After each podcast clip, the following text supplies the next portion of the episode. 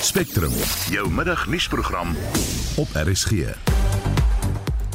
In die program daar is dalk vanaand 'n veel groter as verwagte brandstofprysverlaging. Goedkoper hoender vir Suid-Afrikaners, maar die plaaslike bedryf is nie ingenome daarmee nie. Maar nogtans het 'n besluit dat die industrie moet sonder tariewe met gestorte hoender meeding en dit is vir ons teleurstellend. Suid-Afrika is by die Statebond spele in die 5de plek op die medaljetabel met 12 medaljes tot dusver. The atmospheres at these games are just electrifying. And we've been to the village and where you get to see athletes from different countries that you always just see on TV. So it's been really special. En uh, net na 0.5 het ons meer besonderhede hieroor en die grootste internasionale terroris sedert Osama bin Laden word glo in Afghanistan gedood. I gave the final approval to go get him. And the mission was a success. None of his family members were hurt and there were no civilian casualties. Goeiemiddag en welkom by Spectrum onder redaksie van Hendrik Martin. Die produksieregisseur is Daitrin Godfrey en ek is Susan Paxton. Daar is geen verkeer. In Gauteng en Johannesburg is daar padwerk op die R21 Noord net na die Olifantsfontein weg wat die linkerbaan versper. Op die N3 Suid net na die Kalulies wisselaar staan daar 'n vragmotor en een baan is onbegaanbaar. En in KwaZulu-Natal op die N3 op pad na Durban by Marketweg wisselaar is daar 'n botsing. Die pad is versper. Ver, verwag asseblief vertragings. As jy op enige verkeersnuus afkom, stuur 'n SMS na 45889. Dit sal jou R1.50 per boodskap kos. Ek is Bianca Olifant met die verkeersnuus.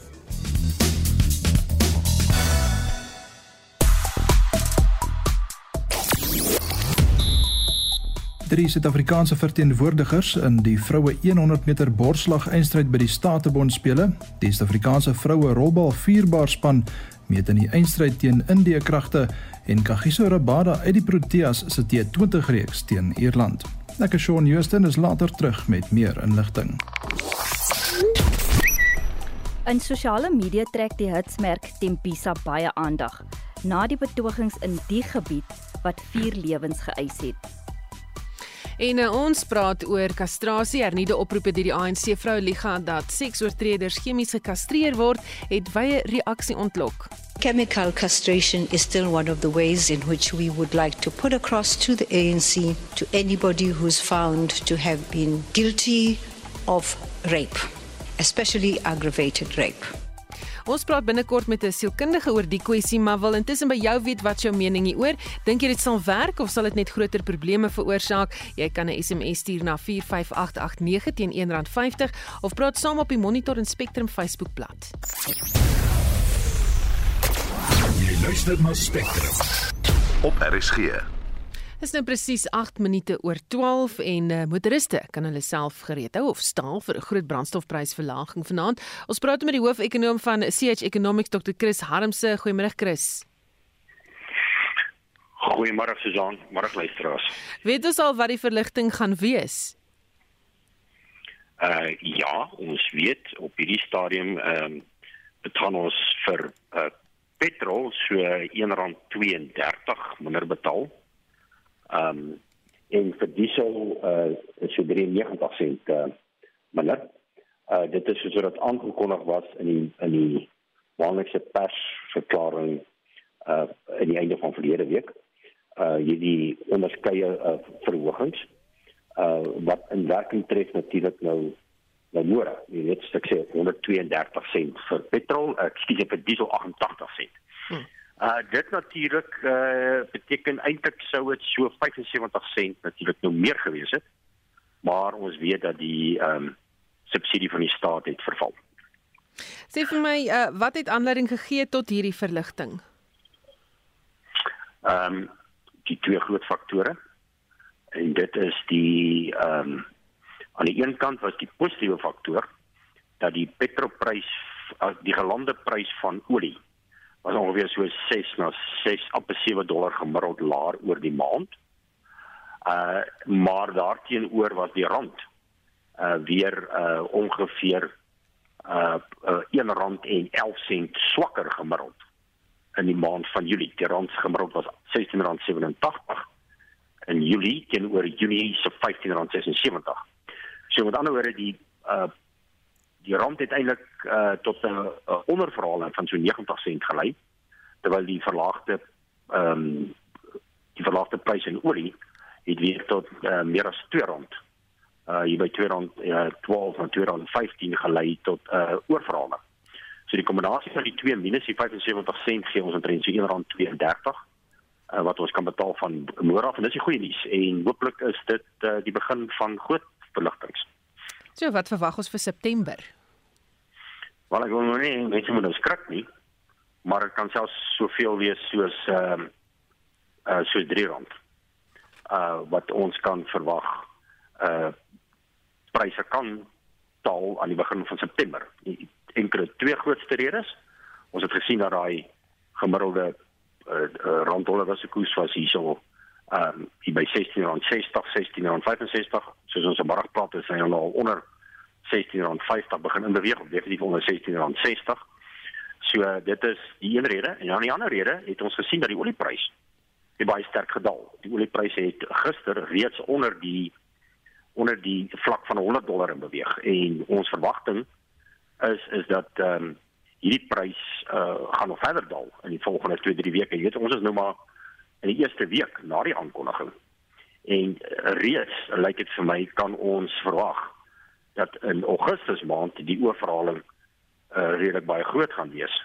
Inteendeel as ons kyk by gister met ander woorde 3 dae na die aankondiging, ons praat hier van die 29ste tot die tot die tot die eerste en dan 29 30 31 en die eerste vir 4 dae is die uh, oorverhaling op petrol alreeds 306 336 sent. As ja, 336 sent en op diesel 285 sent. En dit gee vir ons uh natuurlik die olieprys die petrolprys min of meer waar waar is vandag uh hier by omtrent net so oor 100 dollar en ehm um, rand was koers van so 16 rand en 50. Nou met ander woorde sou die rand bly op 16 rand 50 en 16 rand 60 en olie bly op 'n vlak van kom ek sê tussen uh 98 dollar en 100 en 203 dollar vir die res van die maand kan ons meer as 3 rand per liter minder betaal aan die begin van September en dit natuurlik is uitstekende nuus. Ja nee, dis uh, wonderlike nuus, 'n kort 'n bietjie goeie nuus tans. Baie dankie. Dit was Dr. Chris Harmse van CH Economics. Suid-Afrika gaan teenstortingsheffings op hoendervleis vanuit Brasilië, Denemark, Ierland, Pole en Spanje vereers ophef. Dit is 'n poging om die stapel proteïene meer bekostigbaar vir Suid-Afrikaners te maak. Dit ten spyte van 'n ondersoek deur die Internasionale Handelsadministrasiekommissie wat bevind het dat goedkoop hoendervleis wel in Suid-Afrika gestort word en dit die plaaslike bedryf skade kan berokken. Isak Breitenberg van die Suid-Afrikaanse pluimveebedryf sê hulle is teleurgestel oor die besluit veral na al die harde werk wat gedoen is vir die meesterplan van hierdie bedryf. Die minister het bevind dat daar wel storting plaasvind. Hy het ook bevind dat daar skade aan die industrie gedoen word wat deel is van hierdie aansoek wat 'n mens indien vir die teenstortingstariewe.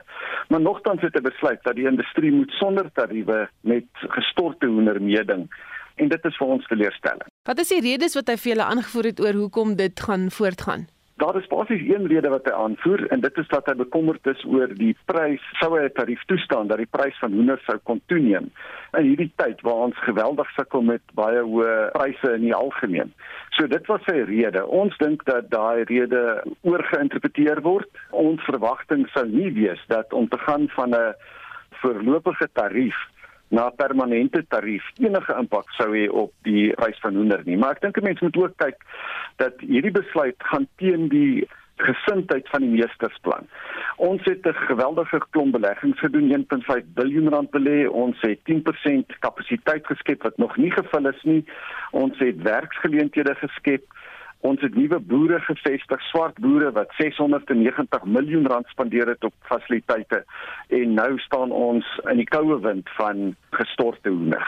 Want wat is die moontlike impak van hierdie besluit op die bedryf? Die impak van hierdie besluit gaan wees dat ons gaan terug na wat gebeur het voor die meestersplan. In die 10 jaar voor die meestersplan het ons gesukkel om genoeg geld te verdien binne ons maatskappye om te herbelê en ekonomiese groei te stimuleer.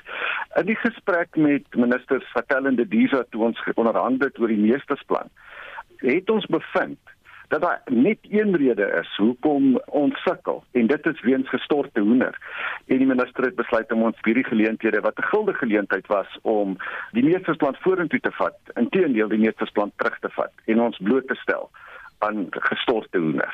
Wat is julle volgende stappe? Wat kan julle doen? Veral as jy nou vir my sê julle het soveel belê in hierdie meesterplan en om die bedryf uit te bou. Ek dink al wat dit eintlik sê is dat die industrie is op sy eie en die industrie sal maar moet doen wat hy nog altyd doen en dit is om te oorleef in hierdie tydperk waar ons geen beskerming het nie. Gaan dit 'n impak hê op hoe julle in die vervolging of in die toekoms met die regering saamwerk? Ek dink nie so nie. Ek dink hierdie is 'n besluit wat geneem is deur uh, minister Patel. Ons stem nie met die besluit saam nie, maar ons aanvaar die besluit en ons sal besluit in die nabye toekoms oor hoe 'n mens kan voortgaan met die meestersplan wanneer die hoeksteen van die meestersplan nie daar is nie. En dit is vir ons problematies en dit was Isak Breitenberg van die Suid-Afrikaanse pluimvee bedryf. Die Suid-Afrikaanse Vereniging van Vleis in en Uitvoerders, AMI, het die besluit om die stortingstariewe vir eers op te hef egter verwelkom. Grant Hendriks van AMI sê dit sal verbruikers beskerm teen hoë voedselpryse. Ons doel is om om seker te maak dat die verbruiker in Suid-Afrika uh, verligting kry met die stygings in kospryse.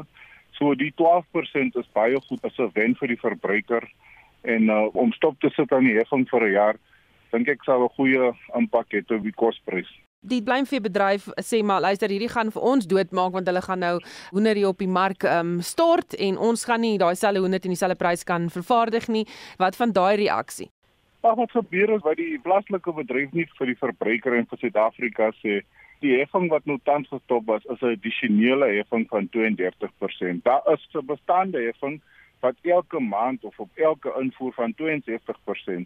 Hulle gaan nie wegdoen met die 62%. Dit is net die addisionele 32%. So jou insetkoste op jou produksie van hoender, meerderheid van die produk kom van Oos-Europa, Oekraïne en Rusland. Die EMEA organisasie het geen soos enige bydra tot die prys van hoender nie. En so die plaaslike vervaardigers, hulle kry ook die voer om hulle hoenders te voer van Oekraïne af. So die rede waarom daar probleme is tans met die verskaffingsketTINGS is as gevolg van die oorlog in Oos-Europa en dit het niks uit te waai met Amy nie. Dis nou net vir 'n jaar gaan julle verder julleself beywer dat die tariewe laag bly of geskraap bly of heeltemal geskraap word. Ag ons sal altyd probeer dat ons tariewe billik is want onthou as daar geen kompetisie is in die mark en jou invoerproduk is net 15% van jou totale gebruik van hoender in die land So as daar geen kompetisie is, gaan jou lokale produsente 'n basiese monopolie hê en wat hulle reeds het op hoender. So ja, ons gaan altyd probeer om te veg vir die verbruiker asook vir 'n goeie kwaliteit produk wat teen 'n uh, billike prys gelewer kan word aan jou verbruiker. En dit gaan nie net vir hoender nie, dit gaan vir ander produkte ook. Ja, ons moet van wat gebeur is jou verbruikers se uh, buying behavior, dit verander en hulle kyk altyd na goedkoper produk omdat jou rand so gestrek word en omdat jou salaris bly dieselfde maar alles gaan op.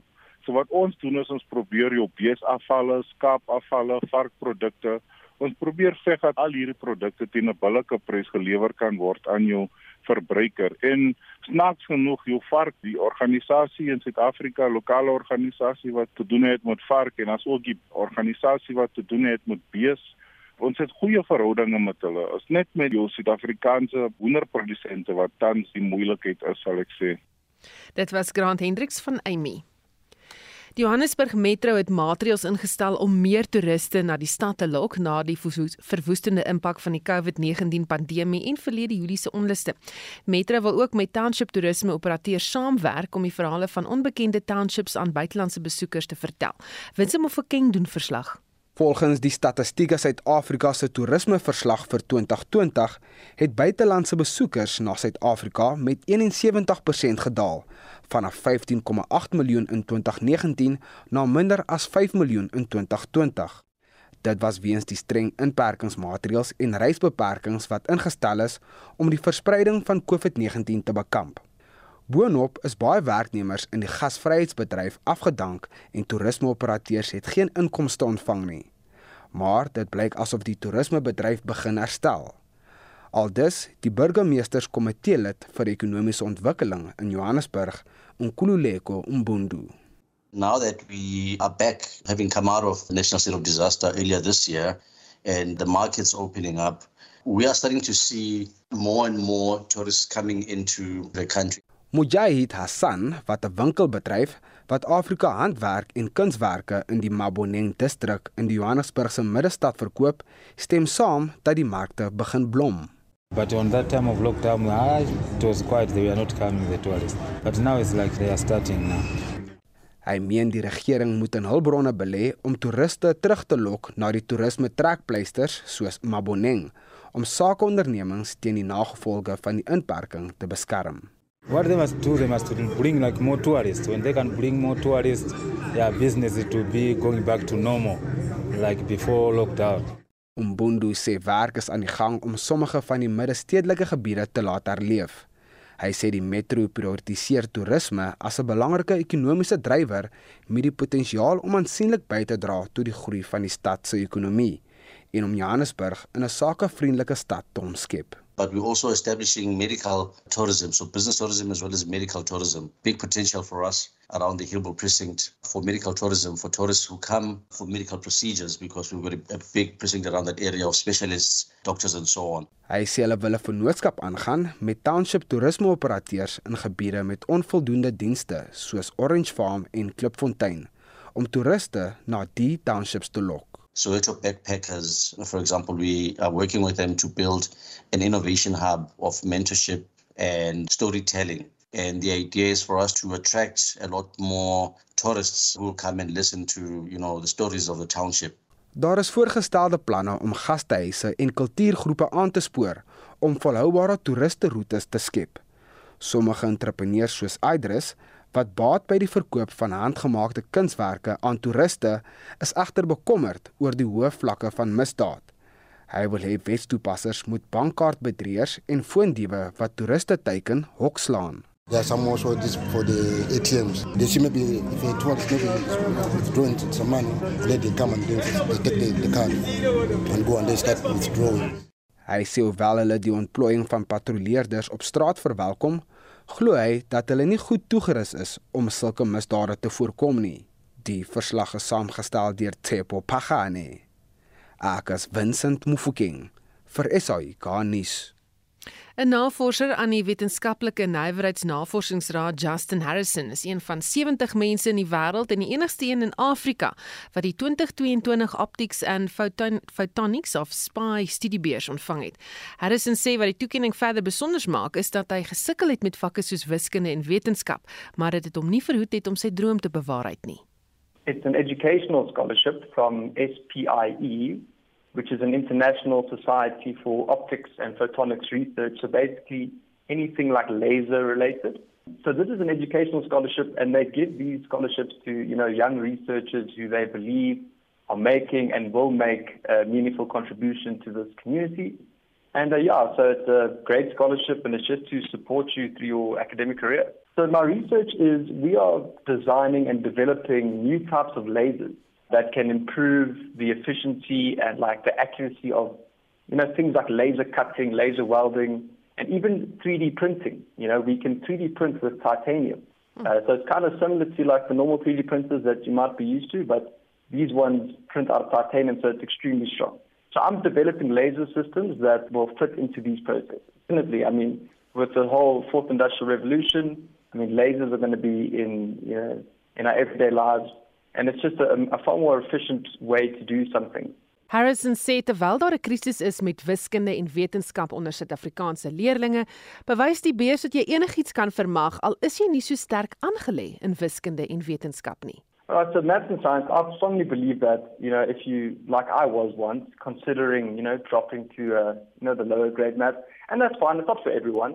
But if you really want to be an, an engineer or a doctor or a scientist, or you, that's really what you want, then you know, you've got to stick with it and you've got to, you've got to, you know, be determined.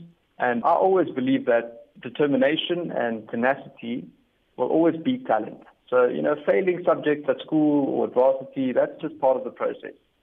But what separates the people that eventually achieve things is that they have that determination to get back up, you know, learn from your mistakes, try even harder.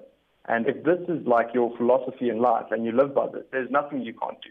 You know, you can really achieve anything you want if you have that drive. There's no magic formula that's going to just solve all your problems. It's hard work. And if you have that determination and that drive, you can achieve whatever. And I want the young people to hear that message. And, you know, things are going to be tough. You're going to fail.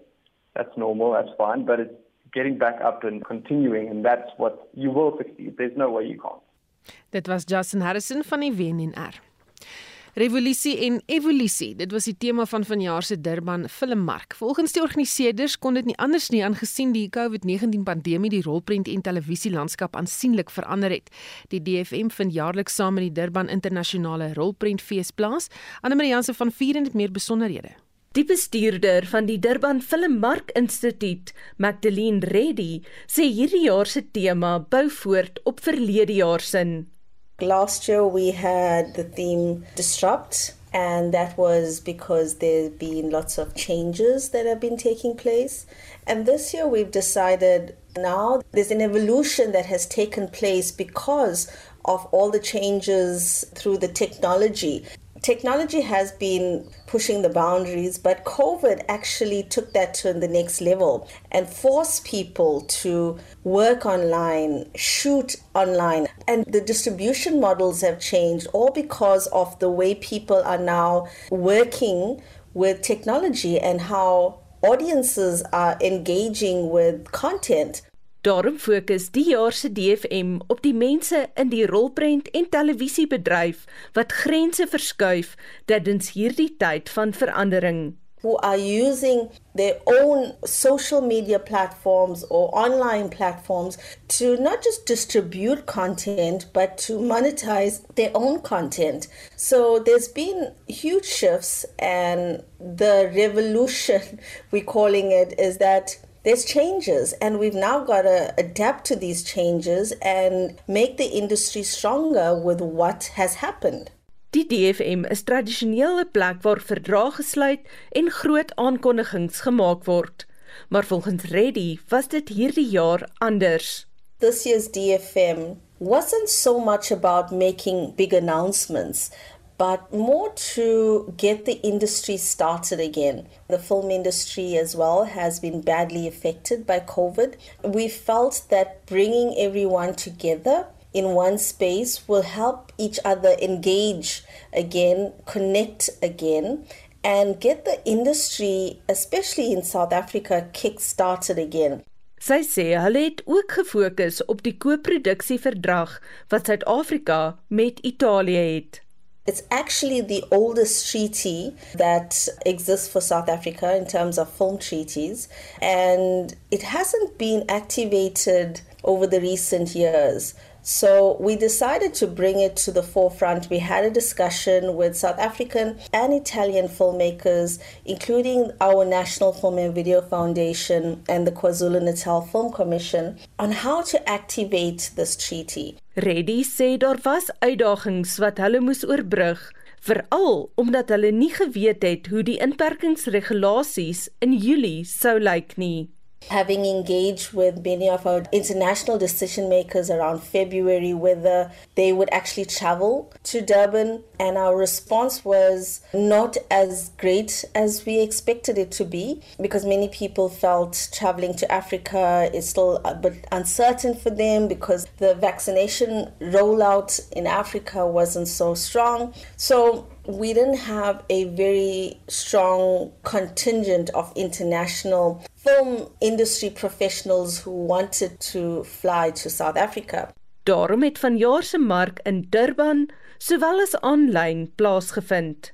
Our South African industry needed a physical program for South African filmmakers to engage, network, and to come up with new ideas.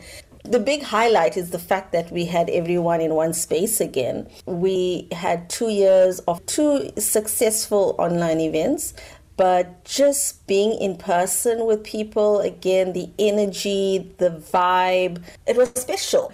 Al die virtuele DFM sessies en besprekings sal later die jaar gratis op die mark se webblad beskikbaar wees. Ek is Anne Marie Jansen van Vuren vir SAK nuus. Jy luister na Spectrum. Elke week saterdag tussen 12 en 1. Nuus wat ons pas ontvang het, 'n verdagte is vanoggend gewond in 'n skietvoorval tydens 'n polisieoperasie in die Gautengse Wesrand. Die minister van Polisie, Bekkie Cele, die Gautengse polisiekommissaris Elias Mawela en die valke neem deel aan die operasie om onwettige mynbedrywighede te teiken. It's almost 20 people that uh, have been arrested. Unfortunately, one has been shot, looks critical. Uh, there was an exchange of fire there, and the forces uh, responded. So it's a, it's an area that we also believe, if we haven't, that we can find the actual people that caused trouble and uh, uh, caused uh, the trouble we had with our kids. So we had to find those people, but also we have to clean this place up. Dan net hierna praat ons met ons verslaggewer op die toneel. En die grootste internasionale terroris sedert Osama bin Laden word glo in Afghanistan gedood. I gave the final approval to go get him. And the mission was a success. None of his family members were hurt and there were no civilian casualties. Bly ingeskakel. Daar is geen verkeer. In Gauteng en Johannesburg op die N12 Oos net na Edenvale weg is die linkerbaan versper en in KwaZulu-Natal staan daar 'n voertuig op die N3 Oos net voor Pieter Brown weg wat die linkerbaan versper. Ek is Bianca Olifant met die verkeersnuus op Spectrum.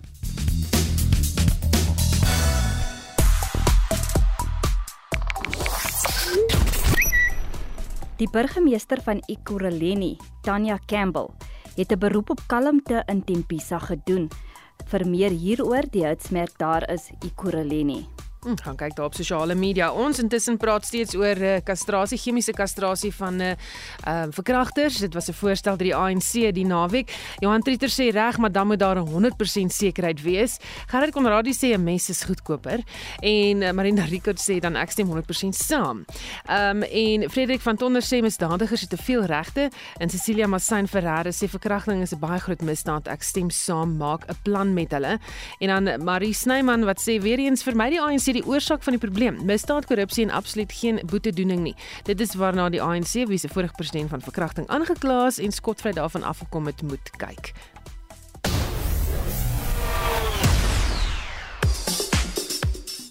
Shaun, jy sê die jongste sportnuus. Ons begin met Statebond spele nuus waar Chad Leclou nog 'n stapie nader is aan die rekord vir die meeste medaljes ooit by die Statebond spele. Hy staan tans op 18 en het deurgedring na vanaand se 100 meter vlinderslag eindstryd. In die vroue 100 meter borsslag eindstryd het Suid-Afrika 3 verteenwoordigers. Hulle is Lara van die Kerk en Tatiana Skoenmaker wat hul halve eindrondes gewen het en Kylene Cobbett wat 4de geëindig het.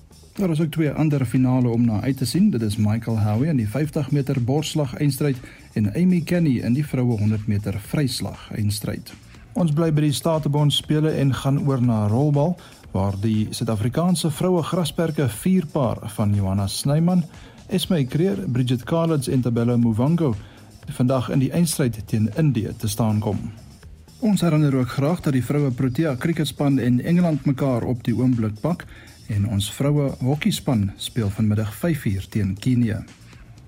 En nou oor na die mans Protea span se krikettoer deur Engeland en Ierland. Die Protea snelbouler Kagiso Rabada gaan die 2T20 wedstryde teen Ierland weens 'n besering misloop. Hy sukkel met 'n enkel besering en word gemonitor vir die toetsreeks teen Engeland later die maand. Die eerste T20 wedstryd teen Ierland vind môre plaas. Goeie nuus vir sokkerliefhebbers. Die SAIK het regte bekom om van die 2022-23 Engelse Premier Liga wedstryde uit te saai. Die wedstryde wat gekies word deur die Premier Liga sal Saterdag middag op SABC3 uitgesaai word.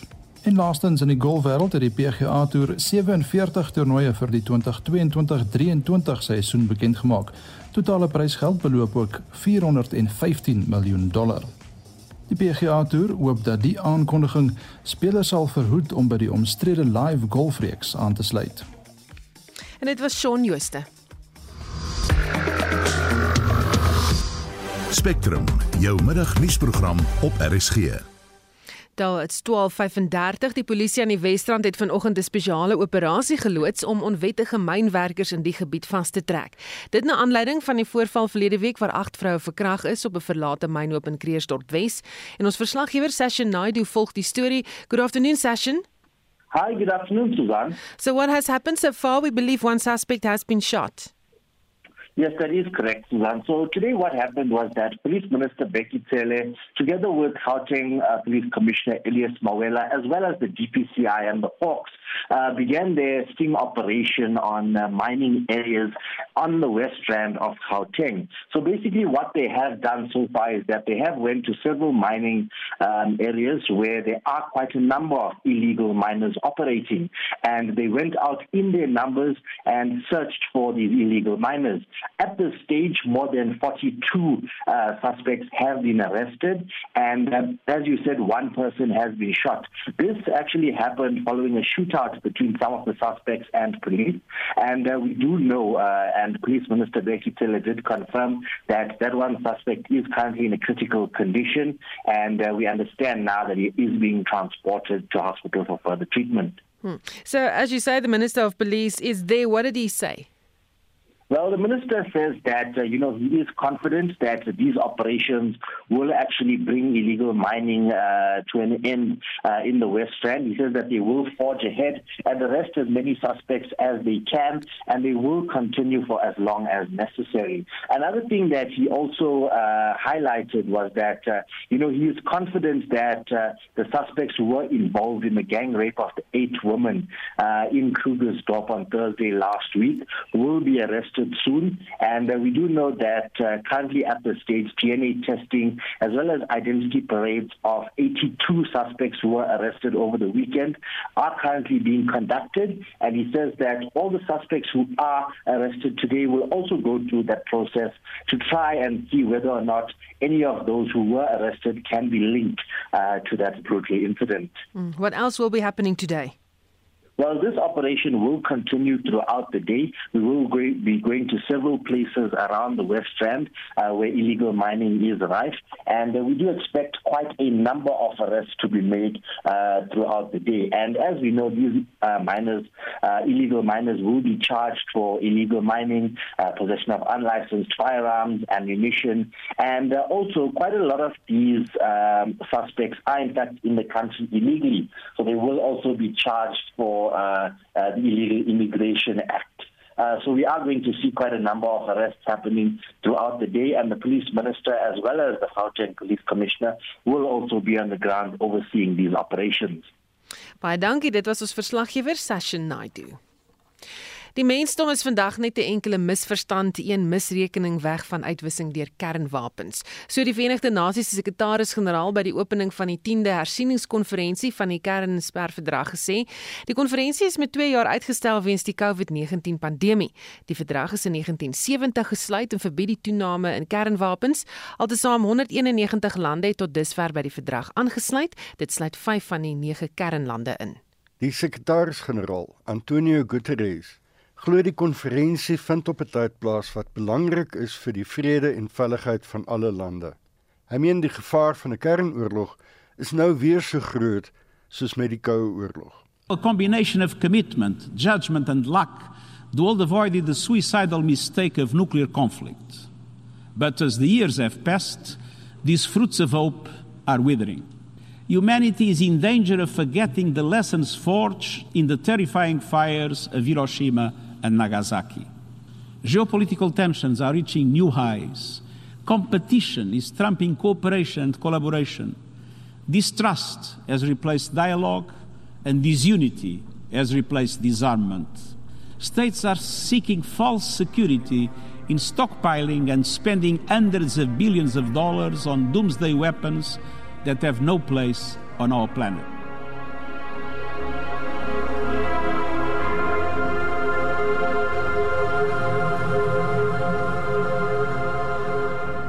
Hy vra dat daar op 5 gebiede opgetree word. Herbevestiging van die 77 jaar oue norm teen die gebruik van kernwapens, die vernietiging van kernwapens in geheel as die enigste waarborg teen die gebruik daarvan en die vervulling van uitstaande verpligtinge onder die kernsperverdrag. We have been extraordinarily lucky so far, but luck is not a strategy, nor is it a shield from geopolitical tensions boiling over into nuclear conflict. Today, humanity is just one misunderstanding, one miscalculation away from nuclear annihilation. We need the Treaty of Non Proliferation of Nuclear Weapons as much as ever. And that is why this review conference is so important. It's an opportunity to hammer out the measures that will help avoid certain disaster and to put humanity on a new path towards a world free of nuclear weapons. It is also a chance to strengthen this treaty and make it fit for the worrying world around us. Die internasionale raad vir atoomenergie het daarop gewys dat die heersende klimaat- en energiekrisis 'n katalisator kan wees vir die meer vredesame gebruik van kernkrag. So sê die agentskap se direkteur-generaal, Rafael Mariano Grossi. We talk about a food crisis, we talk about an energy crisis, we talk about a climate crisis. And in every one of these nuclear sciences, technologies, and applications have something to do, to contribute in our common efforts to face them and to bring well being for all. When we talk about a climate crisis, of course, countries are looking into ways to address this red code for the planet, as rightly said by the International Panel on Climate Change. Grossi is ook bekommerd oor die agentskap se toegang tot die Zaporizhzhia kernsentrale in Oekraïne weens die oorlog daar. Die agentskap sê die Russiese besetting van die sentrale skep 'n gevaar vir die mense en geriewe daar. Grossi noem ook Rusland se besetting van Chernobyl en die sperrsone. As daar 'n ongeluk is, sal dit nie 'n natuurramp wees wat daarvoor te blameer is soos Fukushima in Japan in 2011. Hierdie bydra van Sharon Price Peace in New York en ek is Hendrik Martin vir SAK nuus. Die Al-Qaeda-leier Ayman al-Zawahiri is tydens 'n Amerikaanse hommeltuigaanval gedood. Al-Zawahiri was een van die Al-Qaeda-lede wat die aanvalle op 11 September 2001 help beplan het. Die 71-jarige het gehelp om Egiptiese of Egiptiese Islamitiese Jihad militante groep te stig en het in Mei 2011 na Osama bin Laden se dood die Al-Qaeda-leierskap oorgeneem. President Joe Biden het die aanval maandag bevestig. And one week ago, after being advised that the conditions were optimal, I gave the final approval to go get him. And the mission was a success. None of his family members were hurt, and there were no civilian casualties. I'm sharing this news with the American people now after confirming the mission's total success through the painstaking work of our counterterrorism community and key allies and partners. Ons praat nou ook met Willem Els van Instituut vir Sekuriteitsstudies oor die jongste teenterreur verwikkelinge. Goeiemôre Willem. Goeiemôre. So die aanval is met 'n hommeltuig in Kabul uitgevoer. Kan Afghanistan nie die aanval sien as 'n vyhandige optrede teen die land self nie, juis omdat Amerika sy weermag net minder as 'n jaar gelede onttrek het?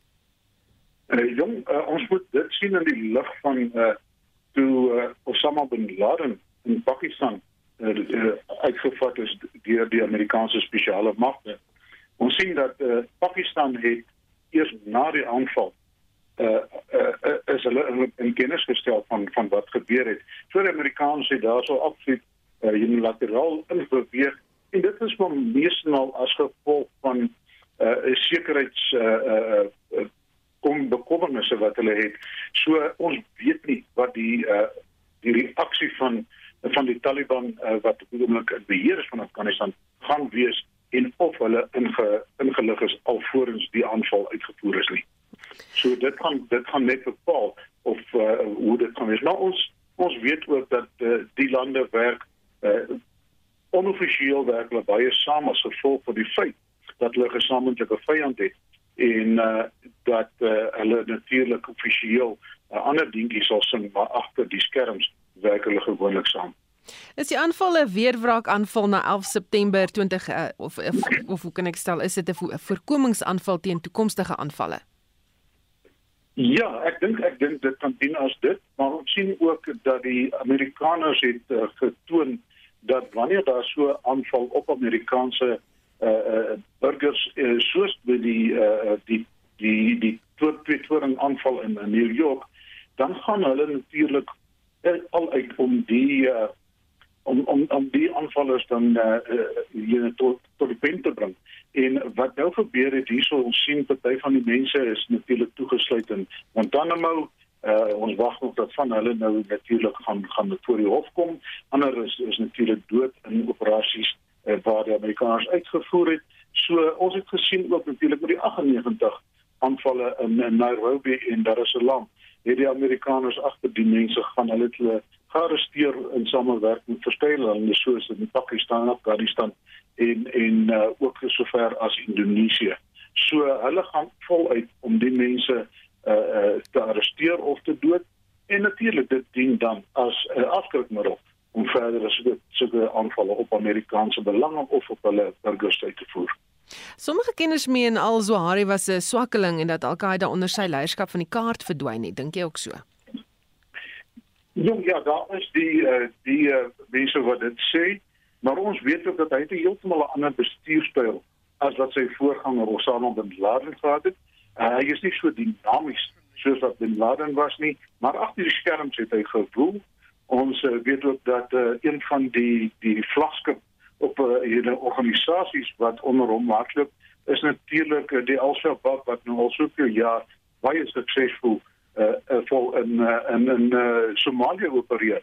Ons sien ook dat hulle in verskeie ander lande in Afrika opereer hulle hulle het natuurlik in 2013 hulle strategie verander waar hulle fokus om die mense wat ongelukkig is, die groeperinge wat ongelukkig is met hulle regering, hoofsaaklik maar as gevolg van 'n uh, swak uh, regering dan uh, en ook 'n gebrek aan dienslewering en so voort dan kry hulle by mekaar. Ons sien dat in Somalië vir uh, uh, uh, byvoorbeeld het hulle sekere programme uh, soos 'n malaria voorkomingsprogram wat hulle begin implementeer het in die gebiede onder hulle beheer waar die regering gefaal het om dit te doen. So ons sien dit is meer die strategie van uh, Al-Qaeda na die dood van uh, Osama bin Laden.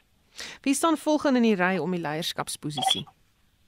Ons wag om te sien wie dit gaan wees. Hulle is natuurlik baie uh uh uh geheimsinnig oor dit.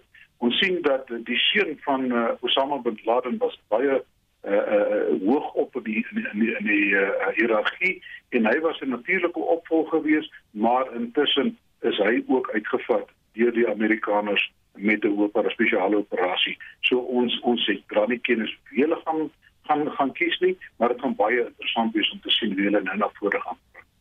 Baie dankie, dit was Willem Els van die Instituut vir Sekuriteitsstudies. Daar is bespiegeling, maar geen amptelike bevestiging dat die spreker van die Amerikaanse Huis van Verteenwoordigers, Nancy Pelosi, Taiwan gaan besoek. Die Amerikaanse en Taiwanese amptenare sê die reis gaan voort ondanks waarskuwings van die Amerikaanse president Joe Biden en Beijing dat so besoek die verhouding tussen die VSA en China kan vererger.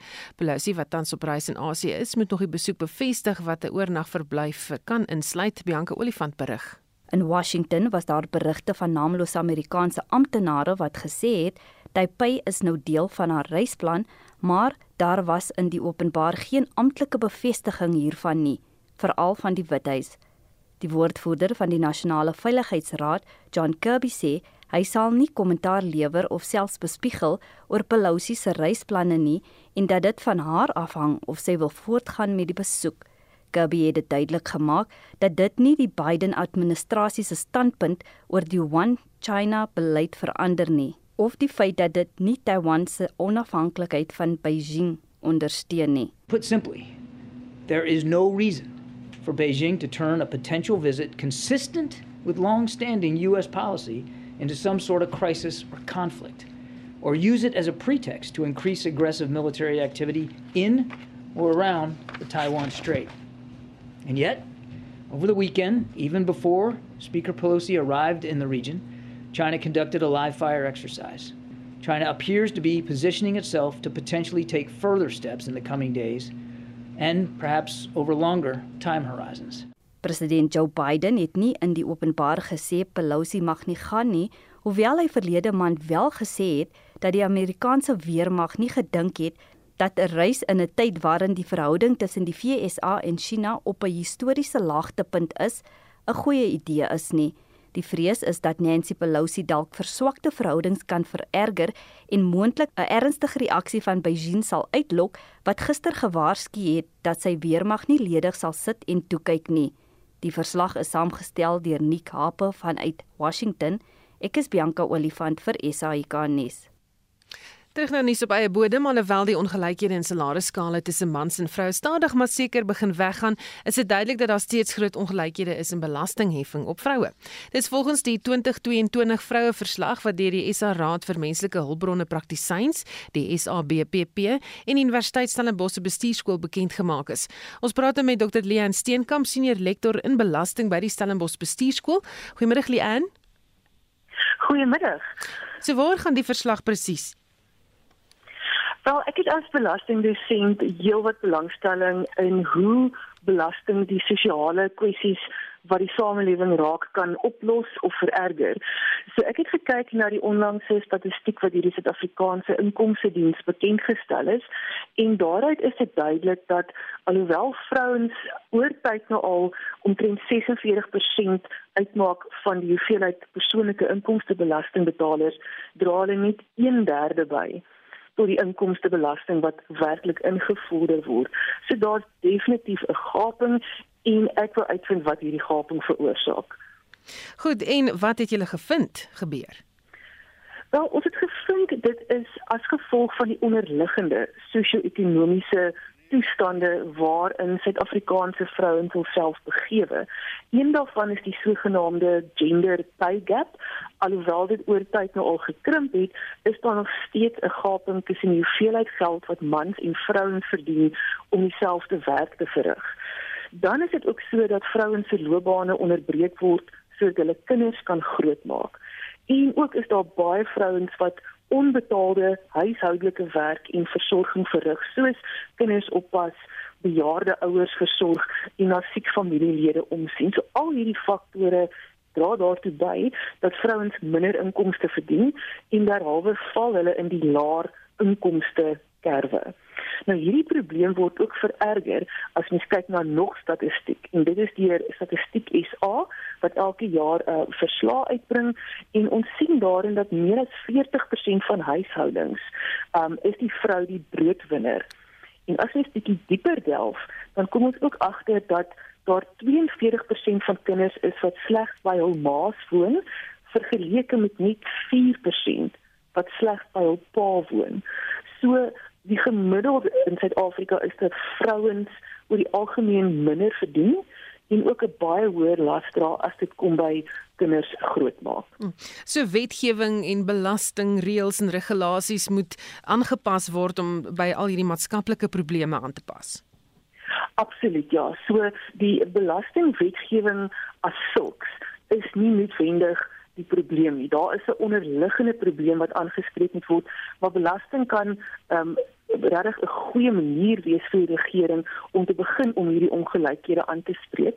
En ek dink dit is tyd dat die regering weer kyk na die verskille tussen mans en vroue spesifiek wat persoonlike inkomstebelasting aanbetref, maar ook belasting op toegevoegde waarde BTW. Baie dankie. Dit was Dr. Leon Steenkamp, senior lektor in belasting by die Stellenbosch eh, Bestuurskool. Die Tembisa Gemeenskapsforum in Ekurhuleni aan die Gautengse Oostrand het 'n versoek vir kalmte aan inwoners gerig na gister se gewelddadige betogings wat vier lewens geëis het. Die forum sê die burgemeester, Tanya Campbell, het onderneem om binnekort die gebied te besoek. Bianca Olifant het meer. Die woordvoerder van die Tembisa Gemeenskapsforum, Kolani Mnisi, gee agtergrond oor hoekom die betogings plaasgevind het. Die Tembisa Gemeenskapsforum in NPO that we started earlier this year after noticing a lot of problems that we've been having in the whole of for a while, in fact. Then we took a decision to create that NPO so that we can unite the communities, not who are divided along the political line, so that we become one and deal with our problems. So we've been having a series of marches from April, where we've been marching to the Kurani municipality to voice out our grievances. We issued our first uh, memorandum in April.